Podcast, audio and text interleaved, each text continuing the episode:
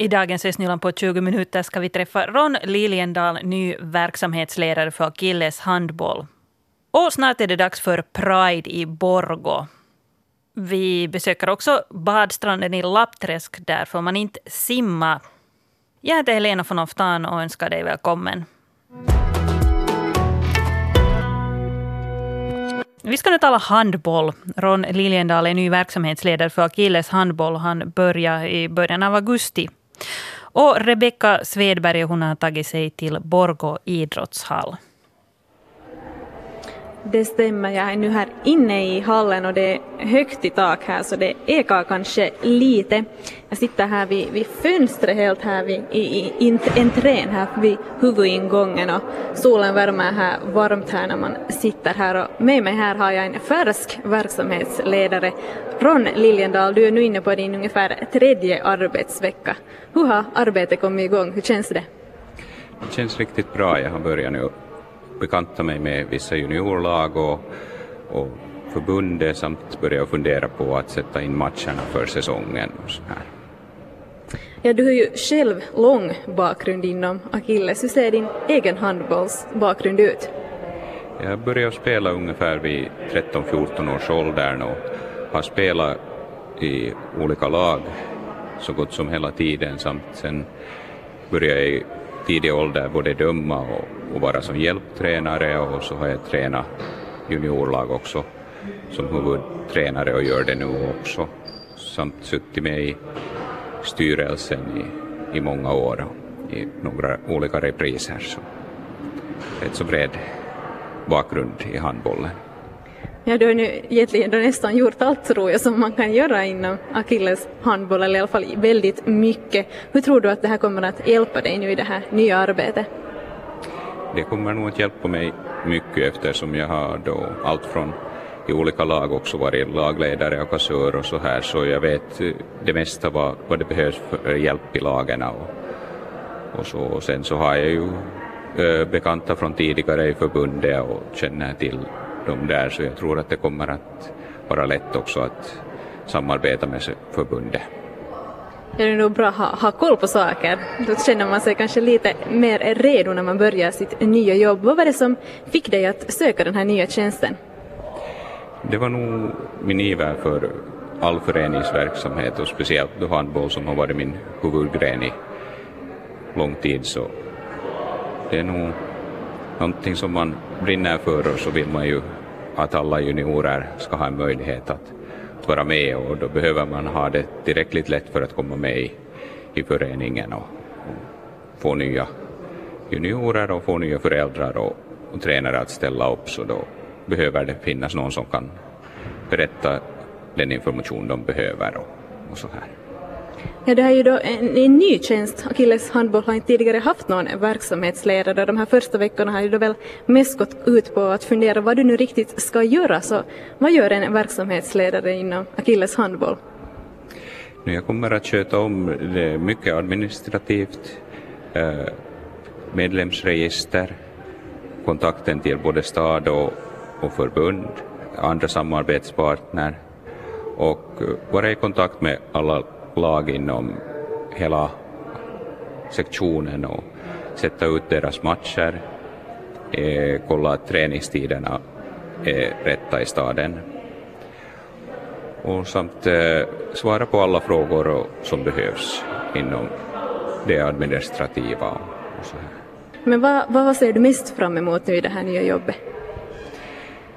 Det är nog att få, få i handbollen en, en bra eh, struktur så att vi kan eh, proffsigt sköta alla uppgifter, att vi har en möjlighet att kunna få representationen, slaget också framåt och uh, inom några år försöka vara med i SM-ligan i både dam och, och herrnivå. Vi sitter här i, i entrén här framför huvudingången och just gick skoleleverna ut här, det är skolfotografering här i idrottshallen idag, så därför kommer vi inte in dit i själva hallen där vart man egentligen spelar, utan vi får sitta här i entrén och stekas i, i solen här vid, vid fönstret. Ron Liljeland, det är ju så att handboll i Borgå är en väldigt stor gren och det känns som att väldigt många, i alla fall då när jag gick i skolan, som höll på med handboll. Vad är det som gör att, att handbollen lockar så mycket för, till Borgåborna? Jag tror att det är en eh, sport som många tycker att det är mångsidig. Fysisk sport och, och en bra lagsport. Det blir bra vänskap där och jag tror att många tycker just om det här med lagsport och, och vänskapen. Och det gör att det, när det sprids en, en gren så, så tar man med vännen och, till hallen och, och så kommer den med sakta där och, och så ökar det på det sättet. Hur många finns det som spelar handboll här i, i Borgå Akilles? Det börjar närma sig 400 nu i år. Att det ökar hela tiden. Att var en tillväxt på ungefär 50 spelare i fjol och, och i år så, så har det kommit en hel del mera redan med gamla spelare som har spelat tidigare. Att nu får vi ju två representationslag också på, på dam och herrnivå och det gör också att det utökar hur många vi har eh, idrottare med i föreningen. Ja, hur, hur, går det för de här representationslagen i, i Borga?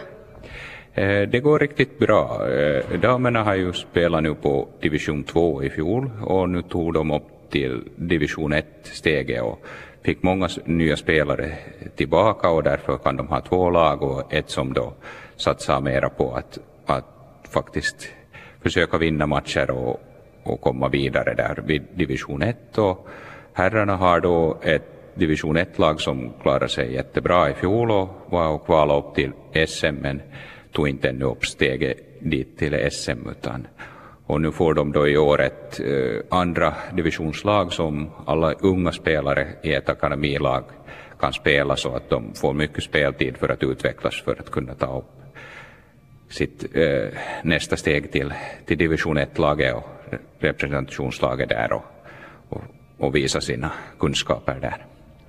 Det, det, låter ju faktiskt ganska bra det. Om verksamheten nu växer hela tiden så finns det plats för så här många Borgobor att spela handboll i Borgå eller kommer det en vägg emot i något skede?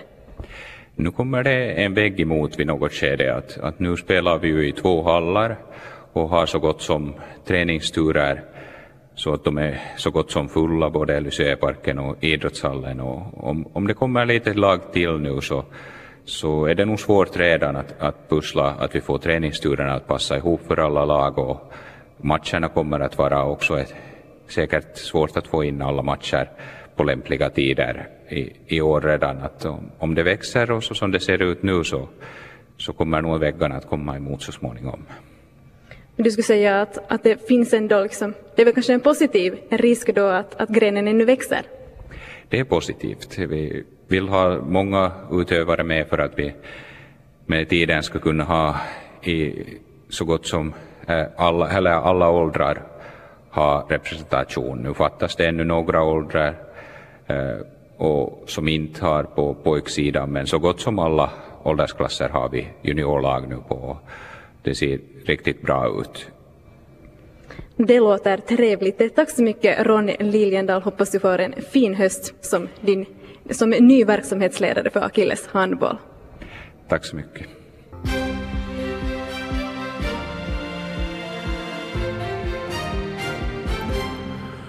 Klockan är halv åtta. Det här är nyheterna från Östnyland. Jag heter Stefan Härus. God morgon. Skolskjutsarnas tidtabeller har bland grundskoleelevernas vårdnadshavare förorsakat förvirring i Borgå. Orsaken är bland annat att alla skolor inte har kunnat skicka sina läsordningar till trafikföretagen i tid. Det uppstår också ofta missförstånd eftersom terminologin gällande skolskjutsar kan vara svår att förstå och tolka, säger utbildningsdirektör Jari Kettunen. Förändringar i tidtabellerna och i bussrutterna är dessutom ännu att vänta under hösten. Borgostad behandlar också dagligen nya ansökningar om skolskjuts vilket innebär att antalet barn som är berättigade till skolskjuts ännu kommer att öka. Det kan trots allt bli aktuellt med ekonomisk kompensation för det svarta vattnet i Isnäs i Lovisa. Spolningarna av vattenledningarna fortgår och processen är ännu på hälft. Det här innebär därför att inga ersättningar åtminstone ännu betalas ut. Hushåll i Isnäs har redan en längre tid lidit av svart eller grumligt vatten som förorsakas av fällningar av mangan i vattenledningarna. Vid Lovisa Vatten medger man kvalitetsfel men Affärsverket behöver ändå mera specificerade fakta innan man kan ta ställning till eventuell kompensation. Regnbågsflaggan syns i gatubilden på lördag i Borgo. Det är då tredje gången som Pride arrangeras i staden. I år tågar man längs med en ny rutt och i Stadsparken finns en kramutdelare på plats. I Stadsparken bjuds det också på mer program för deltagarna än under de tidigare åren. Så kan vi nu berätta att rutten för Yle Östnylands cykelevenemang Tour de Östnyland har ändrats. Orsaken är vägarbeten i Borgnäs. Ändringen gäller de som cyklar den längre sträckan. Istället för att vika av mot Mäntsälä, då cyklisterna når Mäntsälävägen, ska man istället vika av till vänster mot Borgo. Omkring 10 Tio kilometer senare viker man av mot Monby och kör genom Monby och till Borgnäs. Den nya rutten är ungefär lika lång som den gamla. Och I år kan man cykla två sträckor, den längre ungefär 280 kilometer och den kortare 100 kilometer. Eller så cyklar man enligt vad den egna konditionen medger. Och start blir det lördag morgon klockan sju vid Yle Östnylands redaktion. Ja, Borgå Pride ska det bli på lördag. Regnbågsflaggan syns i gatubilden på lördag i Borgå. Och det är då tredje gången som Pride ordnas i Borgå. I år tågar man längs med en ny rutt och i Stadsparken finns det kramutdelare på plats. Vi ska nu möta Marianne Schantz. Hon har deltagit som arrangör ända från starten för två år sedan. No, jag tänker att Borgå Pride borde vara, det är ju för liksom minoriteter, det är en, en sak vi vill få fram deras problematik, eller vår så att säga, men, men samtidigt så att alla som inte tillhör minoriteter så kan också delta för att vi behöver allies som det heter. Du har varit med alla tre gånger och ordnat, arrangerat det här. Tycker du att det har skett någon förändring i Borgå under den tiden? No, det där... Ja... Du blir fundersam? No, jag blir nog fundersam för att inte, inte egentligen att Nej, inte, inte. Annat än förstås att kanske för ungdomar, men det är ju sen sånt kanske som jag inte på det viset, när jag, det är ett antal år sedan jag själv var ungdom, men att det där, men för ungdomar så ordnas det ju och, och det hölls fram, men att sen det där så, för när man inte mer är ungdom så, så kanske regnbågsbefolkningen i Borgå så jag vet inte egentligen hur mycket vi har att liksom få för service och, och överhuvudtaget hur mycket till exempel skolor och åldringsvård och allt sånt här. Så att, finns det någon skolning för de som jobbar där ens? Att, hur blir vi bemötta? Ja, jag tänkte just fråga dig vad det är som då saknas. Mm. Du nämnde enda saker. Mm. Ja, just det där att, att, liksom att man har kunskap om vad det betyder. Att, att, liksom att en människa hör till en minoritet och speciellt till en sexuell minoritet. Att det där, mm, att man inte behöver vare sig man no, kanske dagis nu ännu, men att liksom sen i skolan, från skolan typ till åldringshem eller vad det nu sen handlar om, att man inte behöver vara i skåpet mer i denna dag för att come on 2019. ja. Själva festen, paraden, den sker på lördag. Nu står vi här i biblioteket, huvudbiblioteket i Borgå och ser på en utställning. Uh, det här med, med regnbågstema, det har lite spridit på sig under den här veckan innan. Ja, och jag tycker att det är jättefint och jag är lite, lite nog sådär att det skulle nog kunna sprida på sig mera. Att ungdomarna, jag såg just Arkus program för ungdomar, så det, är ju, det börjar ju redan på tisdagen. Men vi, vi no, det här, här på biblioteket men sen annars är det ju så, ja, på lördagen. Och jag tänkte nog att nästa år så ska vi försöka få, få med liksom, ja, att det, att det skulle vara hela veckan, att det skulle liksom sen kulminera på lördagen så att säga. Mm. Ja, så hur tycker du det borde vara? Uh, nu kanske det att, att, att nu, nu kanske det verkar som att vi, för vi har ju, jag tycker att vi har ett bra program och det händer på, på liksom Grand. Men att det, att, att det här är inte bara en sån där en, en händelse utan att hela hela stan på något vis skulle kunna vara med. Att, att det där, för, för det är just tycker jag, det där problemet att, att, att sen kanske någon kommer och deltar och det är helt okej okay och det, det är någon annans sak. Men egentligen när det borde beröra oss alla så skulle det ju kunna synas också att, att på veckan så skulle det vara olika saker. Det skulle kunna vara föreläsningar, det skulle kunna vara kultur över liksom vad som helst. Och just det att det är inte bara för de som liksom tänker och, eller de som hör till, till den minoriteterna utan att alla, alla kan delta för att mm, alla behövs med sen och stödja. Ja, varför är det viktigt att eh, delta? Jag tycker att det är viktigt att delta för att, för att människor blir ändå så ofta utanför. Så det där att, det att, att man visar att, att, att hej, att ni är inte ensamma. Till exempel nu har vi ju sådana här kramföräldrar i parken som, som då är där för att ge kramar åt, ja, åt de som inte kanske får kramar av sina egna föräldrar eller, eller närstående för att många blir ju helt, helt enkelt utslängda så att säga eller utstängda. Så att, att, att det där att, att vad heter det, nåja, hyväksynta som det heter på finska. att, att folk blir Bekräftade. Just det, just det, som den de är och inte som, som samhället liksom förväntar. Miska Karhos utställning här, ja det är inramade, ska vi säga, ja, synteser, bildkollage, textkollage. Har du fastnat för någon viss här? Mm, no, jag tycker, jag fastnar ju för det för, genast för kaikilla miehillä ei ole penistä, deal with it. Att, att, och överhuvudtaget många av de här så vem som helst kanske skulle ha, jag själv jobbar inom social, socialväsende så, så liksom det att, att det är ju många människor som känner många av de här sakerna så det där att, att folk förstår att, att det är nu ingen skillnad, är du heterosexuell, homosexuell, liksom att alla har ju de här, det är människors problem så att säga och då ska det inte vara någon skillnad på att, att liksom att vad man tänker att uh, nu är du annorlunda att inte nu egentligen. Mm. Man kan inte simma vid Lappträsk kyrkobys badstrand. I vattenprov har miljöhälsovården nämligen konstaterat höga halter av fekala bakterier. Vår reporter Rebecka Svedberg är nu på plats på badstranden för att kolla in läget. Rebecka, hur ser det ut där på stranden den här morgonen? Det är en jättefin morgon här i Lappträsk faktiskt. Jag står här till och med utan jacka, det är inte alls kallt och det blåser lite sådär lätt och solen lyser och när jag tittar ut över det här Lappträsk här så, så ser jag bara blå himmel. Så en riktigt fin morgon. Och det är ju så att man inte får simma här. Och när jag kom hit och körde så då var nog bommen nedfälld där så jag fick lämna bilen på andra sidan.